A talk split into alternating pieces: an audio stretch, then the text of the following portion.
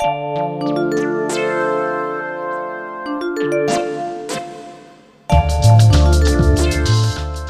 og velkommen tilbake til en ny episode av podkasten Sofasnakk. Jeg heter Cecilie. Og jeg heter Heidi. Vi er psykologer i Bergen kommune, og vi håper at denne podkasten kan være nyttig for dere ungdommer, men også for lærere og foreldre.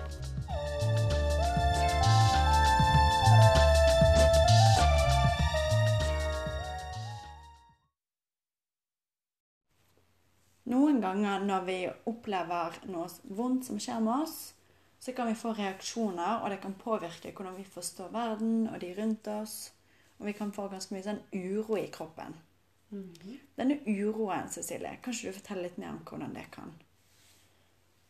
Ja, hvordan denne uroen kan eh, oppleves, eller i hvert fall hvordan vi tenker at vi kan forstå den. Eh, altså, en del av de vi møter, de eh, kaller gjerne uroen sin for angst, fordi de kanskje har lest eller hørt om eh, ordet angst, eller fenomenet angst. Eh, det er klart at For de aller fleste så er det fint å vite at det er en normal reaksjon hos oss mennesker. Vi har et system som eh, vi kan kalle for eh, ja, angstsystemet vårt. Det, det, er ment å beskytte oss når vi opplever fare eller noe vi opplever som truende eller ubehagelig.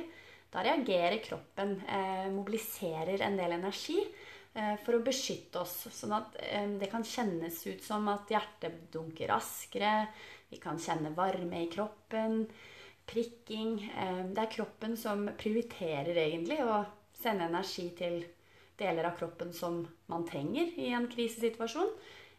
Men så er det også sånn at noen kjenner på en uro i situasjoner som ikke er skremmende.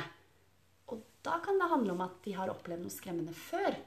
Og at dette forsvarssystemet, som vi også kan kalle angst, aktiveres ganske raskt. Mm. Så de som kanskje har opplevd noe vondt i skogen, når de går der forbi skogen, så kan kroppen sende ut de samme signalene for å beskytte oss. Ja.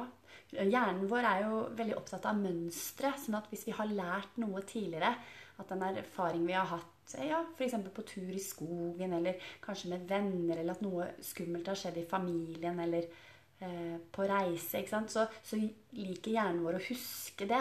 Fordi at den har lyst til å unngå de situasjonene. Den vil hjelpe oss med å eh, ha det trygt. Men vi kan bli da litt lurt av, vår, av våre egne tanker, da. For dette systemet er såpass Ja. Eh, det er ganske sterkt og kan, kan, gjøre at vi går med mye uro i situasjoner som egentlig er trygge. Mm.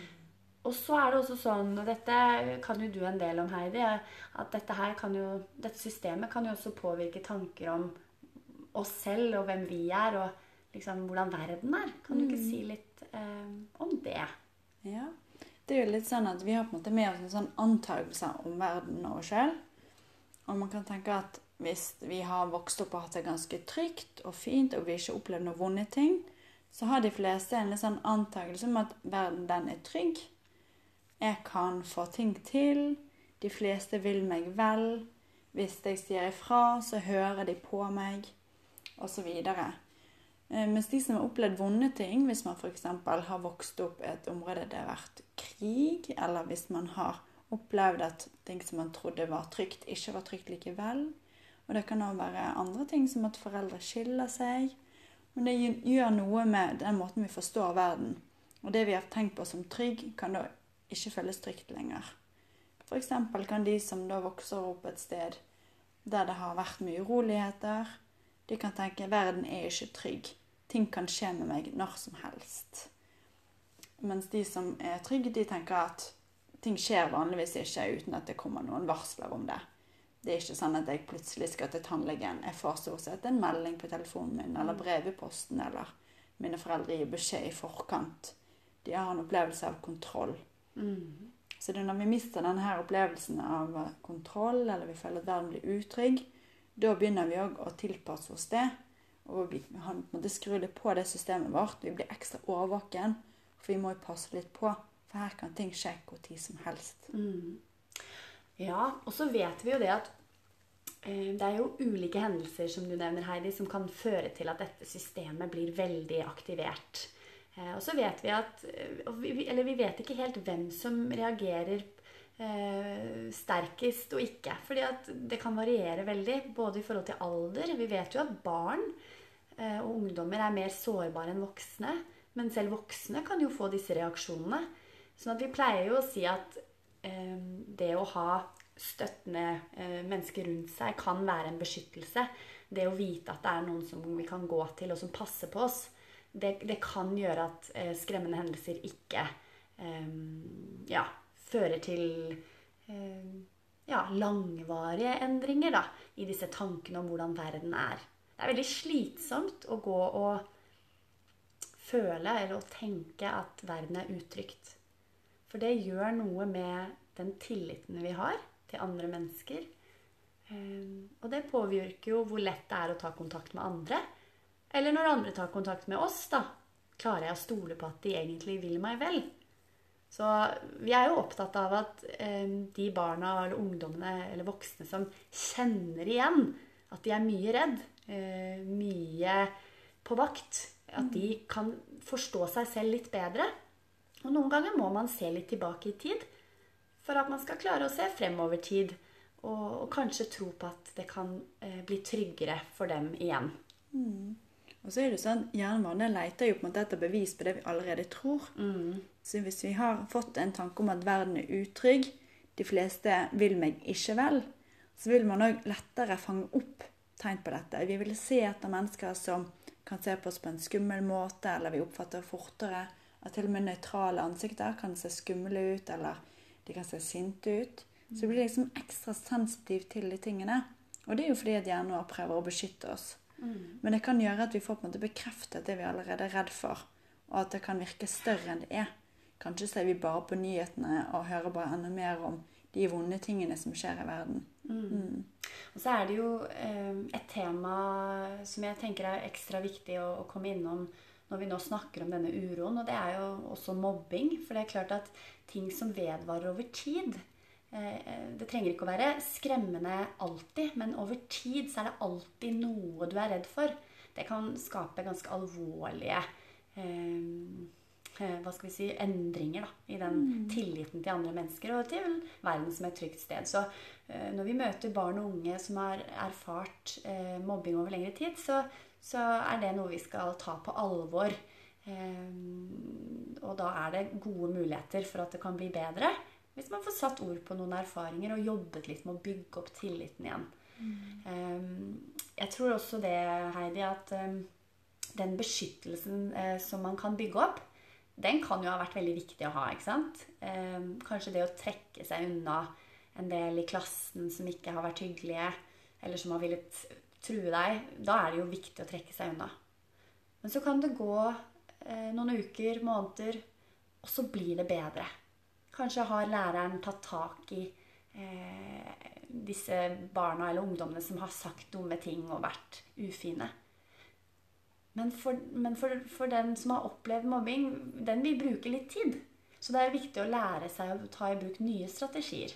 For det som kan være en mestringsstrategi, det å passe seg, det kan da bli en, en belastning etter hvert.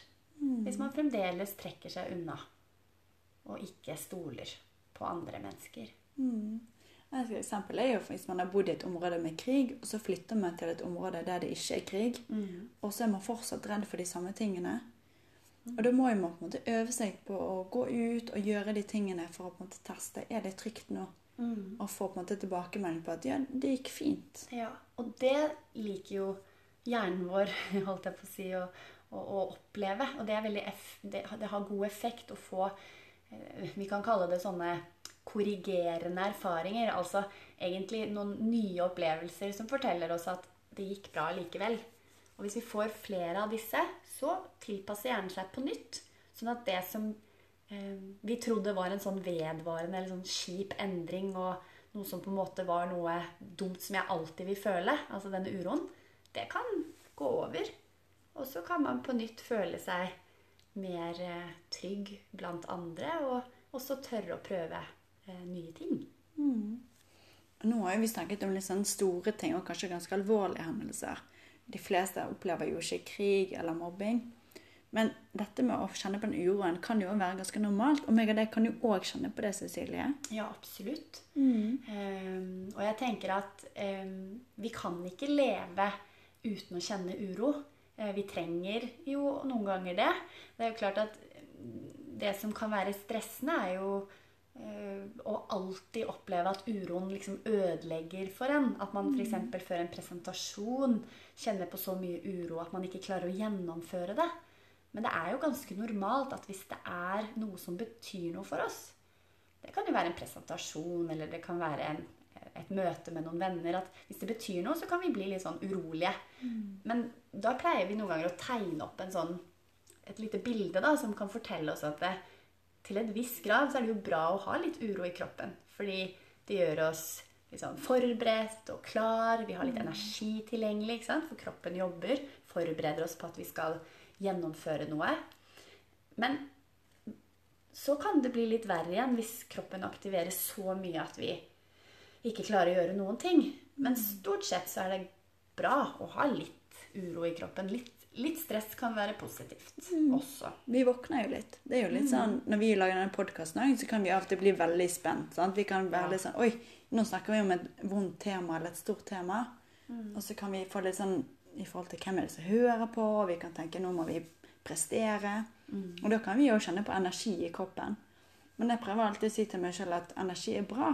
Mm. Jeg kjenner at ja, jeg er våken, jeg skjerper meg, jeg fokuserer. Og det er jo gode ting. Mm. Mm. Men for mange eh, Mange forteller jo det at de skjønner ikke helt hva som skjer med dem.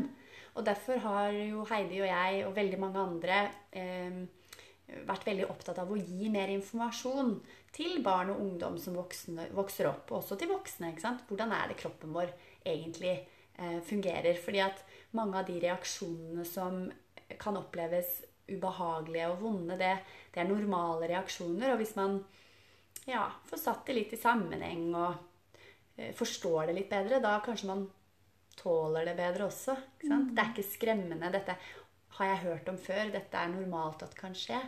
Og det sender jo en sånn fin beskjed til hjernen vår igjen, da. At å ja, det er ikke så skummelt eller farlig. Det er veldig normalt at man reagerer med økt eh, puls, eh, kan bli litt varm og klam mm. eh, når man er spent og kanskje også er litt usikker på hvordan ting skal gå. Mm. Mm. Ja. Så oppsummert så er jo det ganske normalt, men hvis du kjenner at det går utover ganske mye av din fungering, du kjenner at du begynner å unngå ting, så er det kanskje på tide å oppsøke hjelp. Ja, mm. det er jo viktig.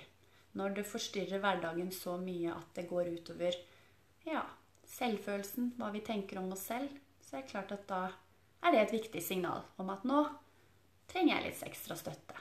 Mm, ja. Ok, greit. Ha det bra. Ha det. Thank